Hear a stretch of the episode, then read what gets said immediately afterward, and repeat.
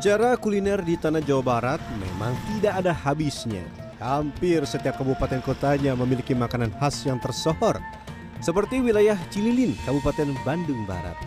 Nah, di tempat ini ada salah satu makanan yang sangat identik dan terus berkembang, yaitu wajit. Halo, apa kabar semuanya? Mudah-mudahan dalam kondisi baik. Kali ini saya jauh dari wilayah kota Bandung, tepatnya di kawasan Cililin, Kabupaten Bandung Barat. Saya sedang membuat makanan khas wilayah ini, wajit Cililin. Nah, Anda penasaran bagaimana cara pembuatan dari wajit Cililin? Ikuti perjalanan saya dalam sehari menjadi produsen wajit Cililin.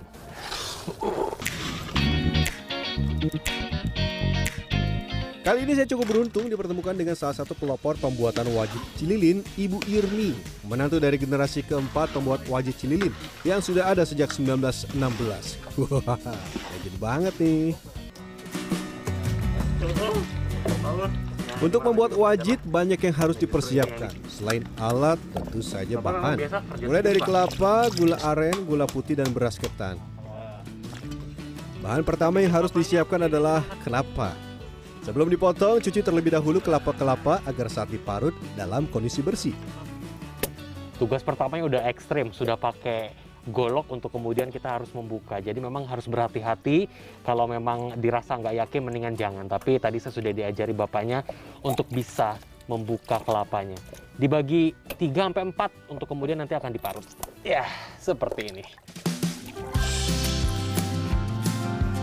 Butuh 90 butir kelapa untuk menghasilkan sekitar 50 kg wajit. Semuanya harus dipotong-potong terlebih dahulu agar proses parut bisa lebih mudah. Tidak masalah selama masih dibantu Pak Lukman. Lanjut. Tahap selanjutnya adalah memarut kelapa menjadi serpihan-serpihan. Beruntung nih saya ikut prosesnya sekarang pakai mesin karena sebelumnya Ibu Irni memarut secara tradisional. Hoho, bisa dibayangkan kan kalau marut 90 butir kelapa setiap hari?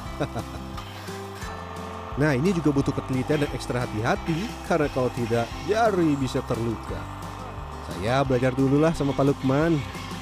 Nah, pemirsa ternyata untuk kemudian memarut meskipun dengan mesin ini ternyata harus ada teknik khusus dan juga harus berhati-hati. Pak Lukman, gimana sih sebetulnya ini harus betul-betul berhati-hati atau kayak gimana, Pak? Ya harus pakai telapak tangan lah, jangan Uh-uh. pakai jeriji tangan, soalnya Oh. takut kena masuk mesin parut itu. Iya ya, jadi berbahaya juga kalau nggak bisa memang harus hati-hati. Jadi pemirsa nggak boleh ditunjuk-tunjuk seperti ini, tapi harus ditekan menggunakan telapak tangan agar kemudian kelapanya masuk dan tangan kita aman agar tidak apa berbahaya ya begitu ya Iya, Pak ya. iya, iya. Oke, kita nyanyi lagi Pak. Lanjut ya Pak. Uh. Ini dia hasil kelapa yang sudah diparut. Saat membersihkan kelapa yang sudah diparut, pastikan tangan kita dalam kondisi bersih dan higienis ya. Selanjutnya kita siapkan beras ketan. Dalam sekali produksi ada sekitar 5 kg beras ketan yang diperlukan. Mengolah beras ketan cukup sederhana. Beras ketan dikukus dalam wadah besar serta dimasak di atas bara api yang bersumber dari kayu bakar. Karena masih menggunakan kayu bakar, asap membuat mata jadi perih. Harus bisa tahan nih karena total waktu mengukus mencapai 2 jam. Ini beras ketannya sudah diproses, sedang dimasak agar kemudian matang yang kemudian nanti akan diolah. Dimasaknya itu harus menggunakan kayu bakar. Kenapa? Karena kata pemiliknya aromanya akan berbeda. Meskipun memang ada asap nggak apa-apa. Yang penting eh, penikmatnya puas dengan aroma dan juga rasanya. Lanjut dulu ya. aduh, aduh. Selama proses pengukusan, beras ketan tidak boleh dibiarkan begitu saja. Periksa berkala, jangan sampai airnya habis. Bahaya nanti, bisa nggak jualan. Setelah matang, pindahkan beras ketan ke dalam wajan super besar. Hati-hati ya, jangan sampai jatuh. Setelah beras ketan dimasukkan ke dalam wajan, selanjutnya tuangkan air panas. Ini supaya beras ketan semakin empuk dan mudah diolah. Untuk beras ketan seberat 5 kg dibutuhkan air panas 7-10 gayung. Nah, ini dia bagian penting yang jadi kunci kenikmatan wajit cililin. Proses pengadukan menggunakan alat khusus. Percaya deh, beratnya ini luar biasa. Haha, Jangan khawatir, ini baru sebagian. Masih banyak bahan lain menunggu. Aduknya bukan begitu. Gimana Pak? Aduknya Pak salah Pak? Nanti jadi gagal ini itunya. Oh, gimana gimana gimana? Oh, aduh.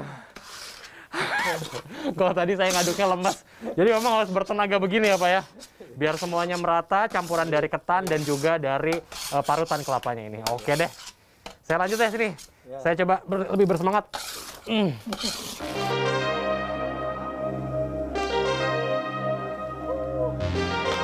Setelah tercampur dengan merata, masukkan gula aren yang sudah disiapkan. Karena gulanya berbentuk lonjong, ada cara khusus agar gula merah ini bisa mudah bercampur dengan adonan sebelumnya. Nah, sebelum dimasukkan ke dalam kual yang besar ini memang gula merahnya harus dipukul-pukul terlebih dahulu. Jadi tujuannya adalah untuk kemudian hancur ketika diaduk, nanti proses pelelehannya akan semakin mudah. Seperti itu. Waduh, meskipun masih ada yang besar-besar nih, artinya mukulnya tidak sempurna. Waduh, makin banyak bahan, makin berat juga proses pengadukan. Belum lagi asap yang dihasilkan oleh bara api. Haha, jangan sedih, masih ada campuran bahan terakhir, sisa-sisa parutan kelapa. Eh, saya nggak kuat sama ininya. Saya nggak kuat sama asapnya. Luar biasa ke mata agak agak perih. Saya udah pakai kacamata masih perih. Bapak nggak pakai kacamata perih nggak Pak? Udah biasa ya Pak ya? Aduh, nggak kuat.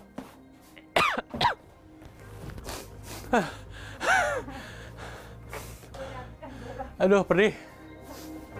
Setelah aman, saya kembali masuk dan mengaduk.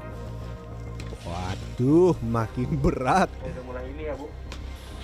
Aduh, Bu, ini ngaduknya memang harus dilakukan setiap saat atau gimana, Bu?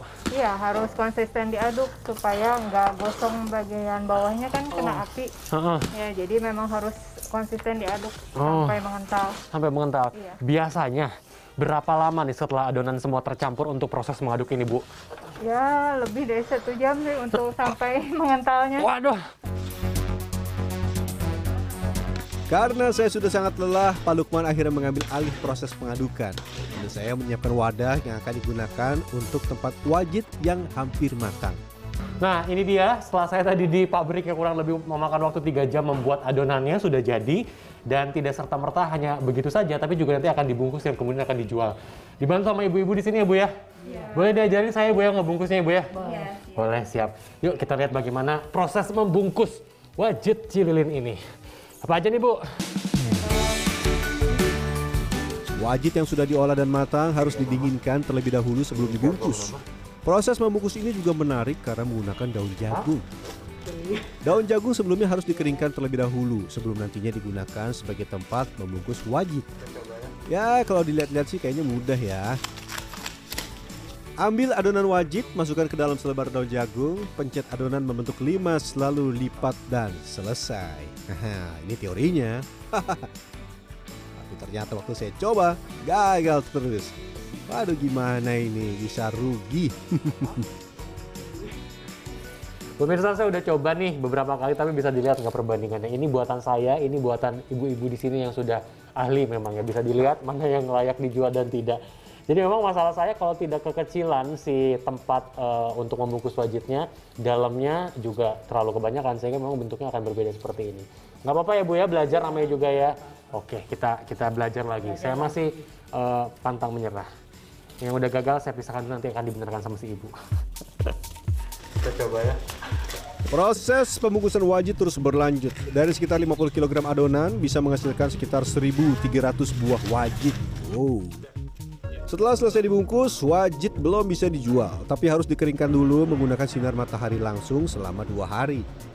Kami berusaha mempertahankan uh, cita rasa uh, resep dari leluhur kami ya, dari nenek dan orang tua. Nah, uh, ciri khas dari wajit asli Haja Siti Romlah sendiri itu kalau sudah dijemur itu bagian luarnya kering, tapi bagian dalamnya masih uh, empuk, jadi tidak keras. Itu yang membuat berbeda. Kemudian tanpa pengawet, jadi uh, gurih legitnya uh, kerasa nggak nggak jauh beda pasti dengan yang sebelum-sebelumnya.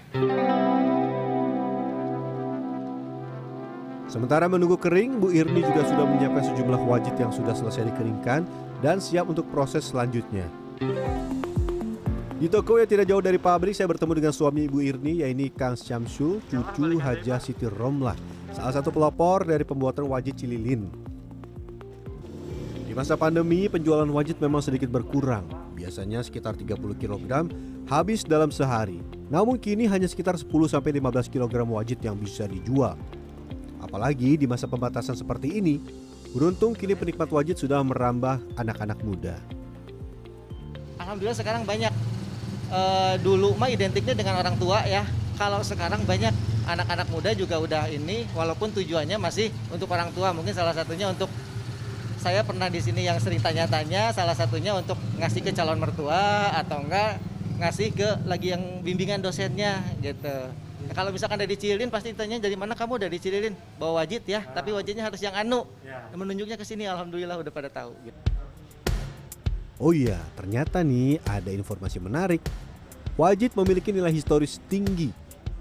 Bahkan informasi sejarah kudapan ini tercantum dalam situs Karangkamulian dan juga situs Gunung Susuru yang erat kaitannya dengan berdirinya Kerajaan Galuh Kertabumi. Mulainya dari sekitar e, berdirinya e, Kerajaan Galuh Kertabumi ya tahun 1585 sampai 1602 ini sudah ada kajiannya hasilnya dalam naskah e, Kerajaan Galuh. Jadi tentang tentang wajib ini eksistensinya sudah dari abad ke-7 ada gitu ya. Dan kemudian juga hmm, keberadaannya juga ada dalam berbagai upacara adat di uh, masyarakat uh, Jawa Barat. Ya, meski sudah ada sejak abad ke-7, wajit mulai berkembang pada zaman Hindia Belanda karena dulu wajit hanya bisa dinikmati oleh kaum mena atau bangsawan. Yang membedakan wajit di tempat ini dengan yang lainnya setelah di packing seperti ini memang tidak langsung ditutup kemasannya. Tujuannya apa? Agar kemudian bisa lebih awet dan juga tahan lama. Jadi kalau sudah ada pelanggan yang akan beli baru ditutup untuk kemudian diberikan kepada pelanggan. Nah itu dia perjalanan panjang saya dalam proses membuat wajit cililin. Begitu banyak prosesnya, begitu banyak tahapannya sampai berkeringat-keringat di pabriknya, tapi mudah-mudahan bisa menjadi sebuah inspirasi bagi Anda. Kiki Haryadi, Rusman Rusmana, Cililin, Bandung Barat, Jawa Barat.